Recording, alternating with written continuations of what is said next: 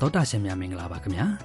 NHK World Japan ရဲ့လွယ်ကူသောဂျပန်စကားအစီအစဉ်တင်ဆက်ဖို့အချိန်ရောက်ပါပြီကျွန်တော်မင်းခမ်းပါ ကျမကပွင့်ပါဂျပန်စကားကိုအတူတူပျော်ပျော်ရွှင်ရွှင်သင်ယူကြပါစို့ ဒီကနေ့သင်ခန်းစာ25မှာကိုနေမကောင်းတဲ့အကြောင်းပြောပြတဲ့အသုံးအနှုန်းကိုလေ့လာပါမယ်အစီအစဉ်နောက်ပိုင်းမှာဂျပန်မှာနေမကောင်းဖြစ်သွားတဲ့အခါဘာတွေလုပ်ရမလဲဆိုတာကိုမိတ်ဆက်ပေးပါမယ် ဒီဇလန်ရဲ့အဓိကဇာတ်ကောင်ဟာဟာရူဆန်ဟောက်စ်မှာနေတဲ့ဗီယက်နမ်ကလာတဲ့အကြောင်းသူတန်ဖြစ်ပါတယ်တန်ဟာအေဂန်နဲ့မှာအနားယူနေပေမဲ့သူတစ်ခုခုဖြစ်နေတဲ့ပုံပါပဲ သင်ခန်းစာ25အတွက်ဇာတ်လမ်းကိုနားဆင်ပါ タムさん顔色が悪いですよどうしたんですか 喉が痛いんですおやおやそんな時には生姜蜂蜜湯がいいですよカイトが今作っていますタムさんできたよはいどうぞお大事に ဝါကြတစ်ချောင်းချင်းကိုကြည့်ပါမယ် အေဂန်နဲ့ကဇပွဲပေါ်မှာရှိနေတဲ့ဟာရူဆန်ကတန်ပုံမှန်မဟုတ်တာကိုအာယုံခံကိရိယာနဲ့ထောက်လန်းသိလိုက်ပြီးပါးနှစ်ဖက်ကအပြာရောင်မီးလေးလင်းလာပါတယ် タムさん顔色が悪いですよ တမ်ဆန်မျက်နှာနွမ်းနေပါလား どうしたんですか ဘာဖြစ်တာလဲ တန်ကချောင်းဆုပ်လိုက်ပြီးပြန်ဖြေပါတယ် 喉が痛いんです လေချောင်းနာပါတယ် ဟာရူဆန်ကပြောပါတယ် おやおや အိုးကြည့်ပါဦး ဆက်ပြီးဟာရူဆန်ကအကြံပေးလိုက်ပါတယ် そんな時には生姜蜂蜜湯がいいですよ အဲ့ဒီလိုဖြစ်တဲ့အခါဂျင်းပြားရည်ရင်နွေးချမ်းကကောင်းပါတယ် မီးယာကပြောပါတယ် カイトが今作っています ။ခိုက်တိုကအခုလှုပ်ပေးနေပါတယ် အဲ့ဒီချိန်မှာကိုက်တူကတမ်တွေဂျင်းပြရည်ရင်နွေးချမ်းယူလာပါတယ် タムさんできたよ ။တမ်ဆန်ရည်ရပါပြီ はいどうぞ ။ရော့ဒီမှာပါ ။မီးယာကတမ်ကိုပြောပါတယ် お大事に ။ဂယူဆိုင်ပါနော်။ဂျင်းပြားရည်ရင်နွေးချမ်းဆိုတာချစ်ထားတဲ့ဂျင်းအနစ်နဲ့ပြားရည်ရောထားတဲ့အထဲကိုရင်နွေးထည့်ထားတာဖြစ်ပါတယ်။လေချောင်းနာတာချောင်းဆိုးတာတွေအတွက်ကောင်းတယ်လို့ဆိုပါတယ် ။တမ်အေးအေးမိသွားတာဖြစ်မယ်နော်။အမြင်ပြန်နေကောင်းပါစေ ။ဒီကနေ့အတွက်အဓိကအသုံးနှုန်းက 喉が痛いんです လေချောင်းနာပါတယ်ဖြစ်ပါတယ်။ဒီပုံစံကိုသိသွားပြီဆိုရင်နေမကောင်းဖြစ်တာကိုပြောတတ်သွားပြီဖြစ်ပါတယ်။စကားစုရဲ့အဓိပ္ပာယ်တွေကိုကြည့်ပါမယ်။ 喉 ဆိုတာလေချောင်းအနောက်ကလိုက်တဲ့ဂကဝိဘတ်ဖြစ်ပြီးနားတဲ့နေရာကိုဖော်ပြပါတယ် 痛いんです ကနားပါတယ်ဖြစ်ပါတယ်ဒီကနေ့အတွက်အဓိကအချက်က 痛いんです မာပါတဲ့ です ဖြစ်ပါတယ်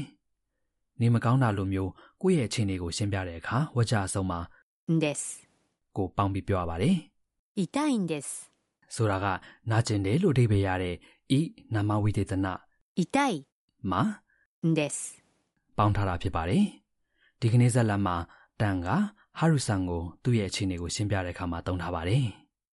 ကဲသရရှင်တို့နောက်ကလိုက်ပြီးပြောကြရအောင် 痛いんです喉が痛いんです喉が痛いんです ။သရရှင်တို့လိုက်ပြောလို့ရကြတယ်နော် ။အခုတခါကျမ်းမာရေးအခြေအနေအကြောင်းပြောထားတဲ့ဥပမာစကားပြောကိုနားထောင်ကြည့်ပါ どうしたんですか頭が痛いんです熱があるんです ။အဓိပ္ပာယ်တွေကိုကြည့်ရအောင် どうしたんですか ။ဘာဖြစ်တာလဲ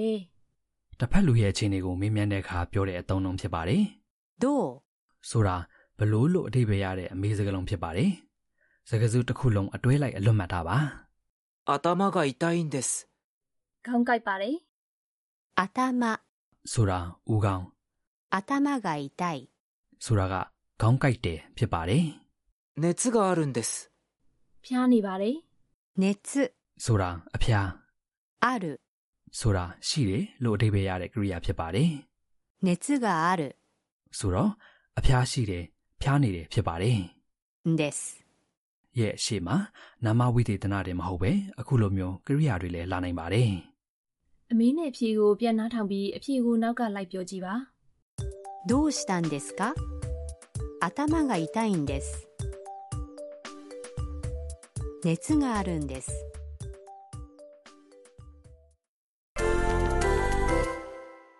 တခြားဝေဒနာတွေအကြောင်းပြောကြည့်ရအောင်ဘိုက်နာတဲ့အခါဘယ်လိုပြောမလဲဘိုက်ကို お腹お腹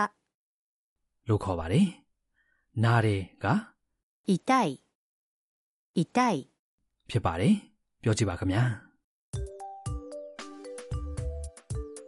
お腹が痛いんですお腹が痛いんです ယထာတွေကားတွေလေယာဉ်တွေစီးလို့မအီမတာဖြစ်တဲ့အခါဘယ်လိုပြောမလဲမအီမတာဖြစ်တာကို 気持ちが悪い気持ちが悪い လို့ပြောပါတယ်ကြိုးစားကြည့်ပါခင်ဗျာ 気持ちが悪いんです気持ちが悪いんです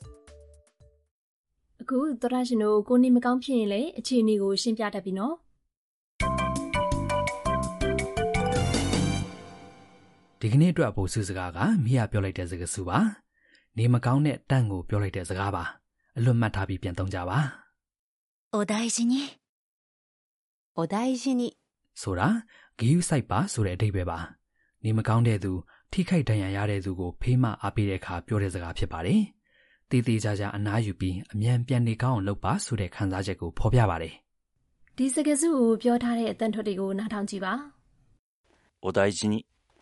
お大事にお大事に ပြန်နားထောင်ပြီးလိုက်ပြောကြည့်ပါဦး お大事に ဒီကနေ့ရဲ့ဇက်လန်ကိုနောက်တစ်ချိန်ပြန်နားထောင်ပါမယ်တန်ကသူနေမကောင်းတာကိုပြောနေတဲ့အပိုင်းကိုတေးကြအာယုံဆိုင်နားထောင်ပါ タムさん顔色が悪いですよどうしたんですか 喉が痛いんです。おやおやそんな時には生姜蜂蜜湯がいいですよカイトが今作っています。タムさんできたよはいどうぞお大事に。はるさんの知恵袋 အခုတခါဟာရူဆန်ရဲ့ဘ ഹു တုတ္တဟင်းလေးဦးခန္ဓာပါဂျပန်မှာနေမကောင်းဖြစ်ခဲ့ရင်မလုပ်ရမလဲဆိုတာကိုပြောပြပါမယ် မပွင့်ရင်ဂျပန်မှာနေထိုင်မကောင်းရင်အမဘာလုပ်လဲ ယောဂလက္ခဏာပေါ်မှာမူတည်တာပေါ့နော်ကိုယ်မှာရှိတဲ့ဆေးတောက်တာလည်းရှိတယ်မရှိရင်လည်းဆေးဆိုင်ကဆေးကိုဝယ်တောက်ပါတယ် ဟုတ်တယ်နော်ယောဂလက္ခဏာတိတ်မပြင်းထန်ဘူးဆိုရင်ဈေးဆိုင်တွေကနေဝယ်တော့တာကလည်းအဆင်ပြေပါတယ်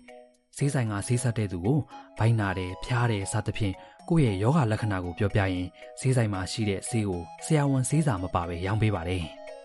ဆေးဟိုမှာဆရာဝန်နဲ့သွားပြရင်ရောဘယ်လိုလုပ်ရမလဲ ဖျားနာဆောင်ခွဲစိတ်ဆောင်စသဖြင့်ကိုယ့်ယောဂဝေဒနာနဲ့ဆိုင်တဲ့ဌာနရှိတဲ့ဈေးရုံဈေးကန်းတွေကိုတွားရပါမယ်ဆရာဝန်ကစစ်ဆေးပြီးတဲ့အခါဈေးစာရေးပေးပါမယ်ပြီးတော့ဈေးဆိုင်မှာအဲ့ဒီဈေးစာနဲ့ဈေးရယူရမှာဖြစ်ပါတယ် နိုင်ငံခြားခီးသွားဧည့်သည်တွေကိုလက်ခံကူတာပေးဖို့သတင်းချက်လက်တွေကိုဘာသာစကားအမျိုးမျိုးနဲ့ဖော်ပြထားတာလိုမျိုးပြင်ဆင်ထားတဲ့ဈေးရုံကျန်းမာရေးဌာနတွေလည်းရှိပါတယ်။အဲ့ဒါတွေရဲ့စီရင်ကိုဂျပန်နိုင်ငံခီးသွားလုပ်ငန်းအဖွဲ့အစည်း JNTO ရဲ့အင်တာနက်စာမျက်နှာမှာကြည့်ရှုနိုင်ပါတယ်။ For safe travels in Japan JNTO ဆိုပြီးအင်တာနက်မှာရှာကြည့်ပါ။နောက်ပြီးခီးသွားဧည့်သည်တွေအတွက်လမ်းညွှန်ကောင်တာတွေနဲ့ဟိုတယ်အေဂျိုဌာနတွေမှာလည်းအနီးတစ်ဝိုက်မှာရှိတဲ့ဈေးရုံဈေးကန်တွေကိုမေးမြန်းနိုင်ပါတယ်။အရေးပေါ်ဆိုရင်တော့119ကိုဆက်ပြီးလူနာတင်ခေါ်လို့ရပါတယ် 119မှတ်ထားရမယ် ။ဟုတ်ကဲ့ပါ။မခွဲရတာတော့အကောင်းဆုံးပါပဲ။တော်တာရှင်တို့အားလုံးအနေရယ်ကင်းကင်းပျော်ပျော်ရွှင်ရွှင်နဲ့ခီးသွားလာနိုင်ကြပါစေခင်ဗျာ။